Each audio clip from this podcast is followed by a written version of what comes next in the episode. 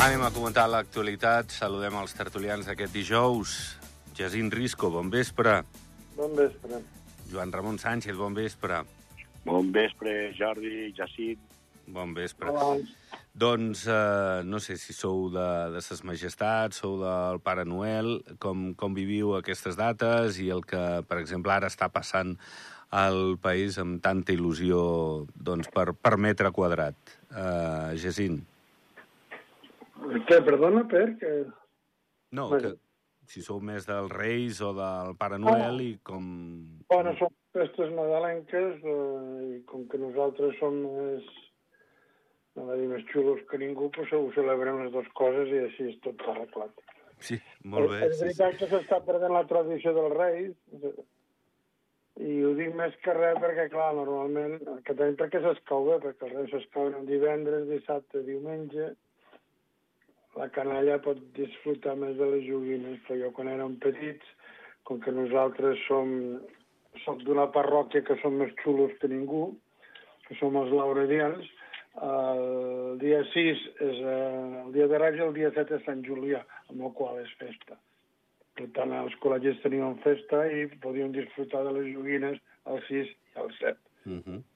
Uh, bueno, jo crec que finalment és la il·lusió, és, és allò de dir, bueno, pues, uh, donem una embranzida nova per un altre any que semblarà complicat o no, depèn de com ho enfoquem les persones, no? Uh -huh. Però la realitat és que, bueno, pinten bastos per tot arreu i esperem que els bastos pues, sigui el trumfo, que no sigui el trumfo bo, que sigui, que sigui el trumfo de les cartes, que sigui l'or, com a mínim un altre trumfo que no sigui el basto. Bé. Uh, tu, tu que ets més de, dels Reis, del Pare Noel, Joan Ramon, i com vius una empatitzant amb els nanos, eh? perquè tots hem sigut nanos i, i segurament els Reis era una cosa bèstia, no? Uh, com, com ho vius tu? Home, jo crec que per la canalla és, és un espectacle. Vull dir, jo crec que tota la canalla està esperant el passe dels Reis, els caramels i tot una miqueta el, el festival no? que es munta al voltant dels Reis. Jo, la veritat, eh, crec és més pràctic, no?, celebrar el Pare Noel perquè tens totes les festes al davant i la canalla té més dies, no?, per poder disfrutar dels joguets i de les joguines i tal. Ets Però jo crec que, jo crec que la il·lusió dels Reis eh, està viva. Dir, jo crec que la canalla ho disfruta moltíssim. I, bueno, i els pares també, no? Vull dir, eh, no sé, jo veig que eh, el carrer està ple de gom a gom i tothom esperant els Reis i la canalla il·lusionada. Vull dir, jo, la veritat, sí que és veritat que els Reis eh, poden disfrutar menys temps eh, perquè hi ha menys festes, però Sí. bueno, tenen tot l'any també per disfrutar dels reals i de tot el que hi hagi. Jo crec que no es perdrà la- l'afició la, als Reis, vull dir, jo crec que és una il·lusió que es va mantenint i per mi, eh, vull dir, jo penso que no, no està perdent en Francida, vull dir, continuen estant la canalla il·lusionada, la gent al carrer, els caramels, i, bueno, i ara només faltaria que, a més, nevés. Ja, ja, ja. Bueno, va, eh, parlem d'altres coses i, i això, que, que la nit de Reis doncs, porti moltes joguines, deixi Andorra doncs, un bon tastet d'il·lusió i d'alegria, que, que també toca. Eh, Joan Enric Vives ha estat avui al funeral de, del papa emèrit. Ha parlat de- d'aquesta figura del coadjuctor, no?, com a element natural en la seva futura successió. Diu que la fórmula va funcionar bé també eh, en l'època de Joan Martí Alanis. Bé, veurem què és el que passa i com, no? Però, però bueno, mm, caldrà veure també com, com es mou el coprincipat amb, amb temes que, que són calents dins de, del que és la, la política nacional, especialment la- l'avortament. No sé, Jacint, què vols dir sobre això? Bueno, a veure, això... Comparar un coadjuctor amb l'avortament, és una mica... una mica agosarat, diria jo, no? A veure, estem parlant de l'Església Catòlica, estem parlant de les creences catòliques, estem parlant de que Andorra va decidir en un temps no gaire llunyà de que teníem aquesta forma institucional d'un coprincipat i un dels coprínceps era un bisbe o un membre de l'Església Catòlica, per tant aquí com dirien una mica els, els, eh, els andalusos a petxugar un poc el tema, no? Ja, a mi si em preguntes si té acord amb l'avortament, sí, evidentment sí, sí, mentre i, i res, i res d'això de, de quatre supòsits i de supòsits, escolti, si vol avortar vostè avorti i s'ha acabat una mica el que passa a França o a altres països avançats, no? Uh -huh. Ara bé, hem d'entendre, hem d'entendre que estem en un estat o no, un dels, uh, un dels, un dels caps d'estat és de l'Església Catòlica. Per tant, si ens desfem d'això, a lo millor si ens desfem d'això, serem una república i llavors a partir d'aquí es podrà avortar. Eh, jo crec que llegia una notícia, no sé si era vostra, en altre mitjà de comunicació, que havien anat a avortar un nombre, un nombre bastant, bastant gran de persones d'Andorra a, a Catalunya, no? Uh -huh. Amb el qual no és que vulgui dir que està assegurat el tema, però sí que, a part, entre les, entre les persones que van a França i les persones que van a Espanya, ja està.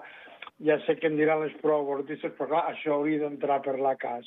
Bueno, discutim-ho. No ho sé, Tiri, això no és, no és un tema, no és un tema nou, un tema nostre. El cap de govern, les darreres declaracions que li he sentit, és que hi pot haver-hi un encaix jurídic, hi pot haver un encaix jurídic en, en, tot, aquest, en tot aquest tema, no? Uh -huh. És un tema molt complex, eh? és un tema molt complex, que a més a més jo crec que s'ha de primar, i entenc que aquí s'està primant l'interès general, i em dirà només que, clar, l'interès de les dones, estic d'acord amb els seus drets, estic completament d'acord, però hi ha un interès general de pervivència, de pervivència d'una forma d'estat. Si estem d'acord que aquesta forma d'estat ha de ser aquesta, haurem de, com deia abans, afeixugar, i si no, doncs no, llavors cap problema. Hi ha unes eleccions generals aquí molt poc, que es presenti un partit polític i digui, mira, escolti, desfem, desfem la, desfem el coprincipat i instaurem una república i si democràticament aquest partit polític diu això, doncs endavant, cap problema. Bé. Ara, ah, digues, digues, perdó, perdó. Ja està, ja no, no, ja està, no, no, només dir això perquè en la realitat, en la realitat, quan tu parles d'aquest tema, dius, els andorrans van voler això, van voler aquesta configuració institucional, la van voler els andorrans, amb la qual la podem canviar? Clar que sí, per això tenim la sobirania. Però si de moment no la volem canviar, doncs miri, escolti, per canviar-la hi ha d'haver una majoria al Parlament i d'haver un referèndum, però si no passa res. Escolti, doncs democràticament que es creï un partit o dos polítics i ja està. Jo, que, jo crec que insistir, insistir, insistir sobre una cosa que la, la majoria dels andorrans van votar una cosa i ara se'ns demana de votar-ne una altra, doncs miri, escolti, cap problema. Jo crec que hi pot haver una... I amb això acabo, eh? Jo crec que hi pot haver un encaix institucional amb aquest tema en el sentit, en el sentit de que els avortaments van cap aquí, poden, ser, seran més... És a dir, per dir-ho clar, si a Andorra hi hagués avortament, hi hauria més avortaments fora d'Andorra que a Andorra. Andorra és molt petit i si tu entres a l'hospital i aquesta ens coneixem tots i aquesta ha entrat per avortar. Ja sabem el que passa. I això és una cosa que una vegada m'ho va dir una senyora, diu, diu jo si vaig a avortar me n'aniré a avortar a l'hospital de Meritxell, no fe de Déu, perquè després al cap de, de 5 minuts ho sabia mitja Andorra. En fi, eh, deixo parar el meu company, Sí, però sí. és tot molt delicat. Sí, no, no, el tema, el tema és molt, molt uh, per fer equilibris. Uh, digues, digues, Joan Ramon. No, no, que a veure, el, jo estic d'acord amb el que diu el Jacint. El tema de que el copríncep pugui ser emèrit, sí, això està de moda. Vull dir, a Espanya tenen un rei emèrit, a Roma tenen un papa emèrit, i que nosaltres puguem tenir un copríncep emèrit, doncs, bueno, no seria el primer. Jo crec que amb això no hi hauria massa problema, que hi hagués una convivència uh -huh. entre un copríncep i una miqueta que s'apartés, o per dir alguna cosa, no? que es jubilés, no? perquè pràcticament a nivell professional arriba una edat i la gent, eh, per dir alguna cosa, agafa i, i es jubila, no? Vull dir, com va fer el papa al seu dia, el seu dia no estava, eh, suposo que no s'haurien forces de poder tirar endavant el que era la Iglesia Catòlica i el que va fer justament va ser pues, una miqueta apartar-se i deixar que algú amb una mica més d'espírit i més ganes i, i menys anys pues, pogués tirar endavant. jo crec que no seria problema. El tema de l'avortament a Andorra ho hem parlat moltes vegades. Vull dir, Andorra és una institució i la institució pues, és un coprincipant en la qual tenim un copríncep que és bisbe. Si el tema de l'avortament es pogués encaixar jurídicament, doncs segurament es mirarà de trobar qualsevol fórmula per una miqueta que tothom, per dir alguna estigui content i no diguin no, és que Andorra els drets de la dona no es respecten. Jo crec que Andorra es respecten els drets de la dona, els drets dels homes, els drets dels animals i els drets de tothom. I n'estic convençut. Però això és com tot. Vull dir, eh, com diu el company, vull dir, que hi hagi un partit, que hi hagi unes eleccions i que busquin jurídicament una solució. Mm -hmm. Bé, uh, veurem, veurem per on tira la, la successió de, de Vives. El Tribunal Superior no ha acceptat a tràmit la querella d'Higini Cierco contra el cap de govern. El Superior confirma també d'aquesta manera la decisió prèvia d'acords sobre bé l'actuació del llavors ministre de Justícia i Interior en tot l'afer en la intervenció de, de BPA. Recordar que Cierco considerava Espot responsable de prevaricació i tràfic d'influències per l'elaboració de la llei de l'AREP. Gesín, eh, previsible, no? Bueno, que... respecte total, total a la justícia, aviam. Aquí en, la, en aquest sentit hi va haver una querella presentada contra una persona. Donava, és veritat de que eh, en un primer moment, mm, i recordem els primers moments, es va sentir parlar d'aquest tema, per tant és un tema que està als mitjans de comunicació, de, de les actuacions de, de, del que és actualment cap de govern i, i dels seus familiars. Doncs està, a partir d'aquí, a partir d'aquí, un ciutadà ha cregut convenient que aquestes actuacions eren fraudulentes o eren pena, penalitzables, diguem-ho així, o eren denunciables, ha presentat la denúncia, la justícia s'ha pronunciat a nivell de, de primera instància, s'ha pronunciat també a nivell de segona instància, amb la qual amb la qual jo sóc un ferm, jo crec que amb la justícia puc o no estar d'acord amb les, amb les, sentències judicials, això, està, això com a ciutadans ho hem de ser-ho tot així, però en aquest sentit la justícia ha trobat que el senyor Javier Espot pues, no ha comès cap il·lícit penal per tal de poder-lo incriminar o per poder-lo imputar.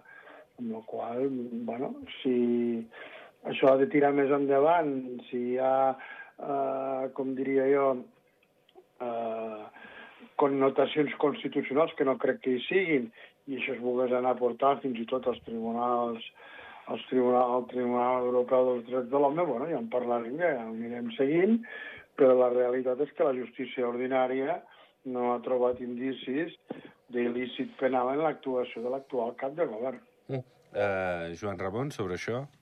Bueno, la justícia és autònoma, vull dir, els jutges eh, no es van per les branques de, de la política o d'algun interès. Senzillament el que han de fer és veure les proves, veure què és el que per dir alguna cosa es vol demostrar i si no troben prou eh, dades com per poder dir que realment pues, és un cas que, que s'hauria de, de jutjar pues, a favor del que fa la demanda i tal, si no ha sigut el contrari. Al contrari, vol dir que ells no han trobat uh, proves suficients com per, per tirar endavant pues, la demanda del... I, bueno, això és com tot. Jo crec que el tema de banca privada sempre diu el mateix. Fa molt temps que s'hauria de tancar i deixar el tema acabat i liquidat. Vull dir, és que és una cosa que no ens fa bé a ningú. És una cosa que va donant tos, va donant toms, i ara perquè suposo que seria una mica amb el tema electoralista, no? Com que hi ha eleccions um, d'aquí quatre dies parlant clar, doncs, bueno, una miqueta aprofitar la vinentesa per mirar de tocar doncs, una mica els assos. Mm, creiem en la justícia, és la que tenim, hem de creure en ella, i si la justícia no troba proves, doncs no troba proves. Uh, parlem de... Uh -huh. uh, parlem de la recaptació del govern. És cert doncs, que potser productes que eren estrella com la benzina deixava molt marge a les arques del govern, és cert, l'alcohol inclús, és cert que ara és el tabac, eh, el que manté el pols i aquests ingressos a l'Estat. Han pujat gairebé un 40% aquests ingressos per les importacions. Eh, bé, d'alguna manera, són més de 230 milions d'euros en impostos per la importació de mercaderies l'any passat. És cert que el 2021 va ser un any doncs, pràcticament perdut a, a l'hivern, es va anar recuperant a la resta d'any, però bé, eh, sort n'hi ha per, per poder fer una mica de, de caixa, no, Gesín, d'aquests ingressos, perquè doncs bé, no, no afecti tant en, en cada un de nosaltres, perquè segurament que la part impositiva hauria de pujar més, no? Bueno, hauria de pujar més i, a més a més, eh, introduir introduir quelcom, quelcom que està preocupant a la, a la ciutadania, que és que a veure què, està, què passa amb el tema de que el govern també ha de pagar les seves factures. I en realitat sí, és una bona notícia que hi hagi més recaptació, però clar, el que se li haurà de demanar al govern, i tal com va el ministre Gallardo i fins i tot el ministre de Finances va dir que s'excursarien els temps de pagament pels proveïdors, doncs miri, escolti, que, que no és el cas, no? Perquè les petites i mitjanes empreses, moltes d'elles depenen d'un contracte fet a, o un concurs guanyat amb el govern, no? Per tant, jo crec que una cosa va lligada amb l'altra, en el sentit de dir es, han d'estar contents per aquest augment d'ingressos, tot això està molt bé, però també hem de demanar que aquests ingressos eh, pues, tinguin que sortir cap als proveïdors del govern, si no molta gent passarà bastantes dificultats en poder mantenir els seus negocis. Joan I jo Ramon. el meu company en sap més que jo d'aquest tema. No, no, no. No, ja sí. Jo, la veritat, vull dir que els ingressos s'augmentin i que el tabac estigui tirant una mica l'embranzida i tal, doncs, bueno, està bé tot el que sigui poder augmentar els ingressos de govern, crec que és millor per tots. Jo, amb l'únic que, per cosa, he tingut un dubte sempre, i, i si no, que m'ho expliquin. Uh, el preu que tenim avui en dia a la benzina, vull dir, per dir alguna cosa, estem parlant sobre l'euro 40, una cosa així, euro 35, euro 40, i jo me'n recordo que, si mires una mica l'estadística, a l'any 2008, el barril de Brent, el, però on surt el petroli, on surt la benzina, eh, estava a 108 dòlars, que va ser un punt molt alt. Avui en dia, el barril de Brent em sembla que està per sota dels 100 dòlars o tocant els 100 dòlars. Però, clar, el 2008 teníem la benzina a un euro. I avui en dia tenim la benzina a un euro 40. Què és el que està passant? Què passa amb els proveïdors o amb els subministradors o, on, o a quin lloc és on, per dir alguna cosa, hi ha un diferencial bestial. Si no és el govern i els impostos del govern, alguna està passant. Mm -hmm. Bueno, eh, està passant que, que suposo que l'Estat ha de recaptar aquí a Espanya, a França i a tot arreu, Ja, doncs, ja, ja. pagar la factura de la Covid. Però realment, realment el diferencial és molt gran, estem parlant d'un 40%. Ja, bueno, els subministradors, el que deies, intermediaris, eh, bueno, eh, tu saps el que ha passat amb Xina, amb el, amb el que són els grans eh, vaixells eh, que transporten doncs, també eh, el petroli i la benzina. En fi, eh, no sé, eh, és cert que, que la resposta segurament la tindria el govern acurada, eh, acurada. Eh, per cert, matriculacions. Bé, l'any passat, un 5,7 més de vehicles matriculats. Jo, sempre dic que és un molt bon termòmetre, eh, lo de la matriculació de vehicles, perquè eh, si la matriculació de cotxes va bé és que la gent té dinerons, o el banc els hi deixa, eh? o el banc els hi deixa, i, i es pot tirar endavant, doncs, eh, d'una manera més o menys bona per a aquella família que, que pot fer front a, a la compra d'un cotxe, o perquè l'altre el té molt destartalat. No dic que no, eh, l'antic. Però, bueno, Gesin, què, què hi dius sobre això? Bueno, a veure, ha sigut sempre un termòmetre per Andorra la, la venda de vehicles, no? Que hi ha hagut aquesta minsa, aquesta minsa, aquesta pujada, no sé per què qualificar-la, doncs, i amb una inflació tan galopant en què les famílies realment ho estan passant malament, doncs és una bona notícia. És un termòmetre de l'economia. El mateix que és un termòmetre de l'economia la, la, jo què sé, la, el consum de llum o, o, o, altres, o altres paràmetres, no? Per tant, que hi hagi hagut un, aquesta Una pujada, de la venda de vehicles, doncs està bé. Mm. un bon indicador econòmic. Això és un bon indicador econòmic, perquè no cal oblidar que no sé quin, quina proporció del PIB és la venda de vehicles, però és veritat que dona feina a moltíssimes, moltíssimes persones, a tots els concessionaris i a tot el principal, malgrat, malgrat les concentracions que hi ha hagut de, de marques en un mateix lloc, no? Mm -hmm. Sense criticar-ho, eh? perquè finalment les coses poden funcionar d'aquesta manera, no? Mm -hmm. Uh... La realitat és que és bona notícia de que es venguin més cotxes, clar que sí. Eh, Joan Ramon, tu que et dediques... Bé, no que et dediques, però que ets un gran amant dels cotxes, tu més de l'àmbit clàssic, eh? Però... A mi els vells. A mi el que sí, m'agrada sí. és que les ITVs no siguin tan estrictes i que la gent pugui mantenir els vehicles durant molts anys, vehicles que funcionin i que estiguin bé. Vull dir, tenim països veïns, com per exemple França, que trobes vehicles amb 40-50 anys circulant sense cap problema. Això sí, en bon estat, eh, que estiguin tot bé, que les ITVs les puguin passar. Aquí tenim pues, una miqueta la mentalitat de que realment les ITVs són molt estrictes, el qual és difícil mantenir un cotxe més de 20 anys, és difícil, perquè a partir de cert temps pues, els cotxes, vulguis que no, pues, tenen un desgast, per molt bé que els mantinguis i tal.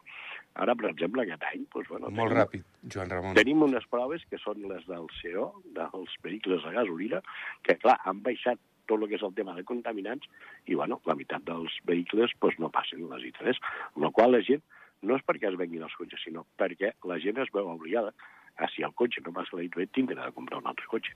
Uh -huh. Però el podria comprar de segona mà. Sí, bueno, és que el mercat de segona mà trobarà d'aquí un parell d'anys el mateix problema. Ja. I a veure, hi ha més incidències, eh? Tenim molta gent resident que ha vingut que està comprant cotxes de certa categoria. S'hauria de veure una mica el nivell mm de les matriculacions, però en quins sectors. Va, anem plegant. Uh, Joan Ramon, que et portin molts regals als Reis, que ha sigut molt, molt bo. I tu bé, també, igual. Jacint, tu també has sigut I molt tu, bo. I a tu que et portin carbó. Sí, sí gràcies, gràcies.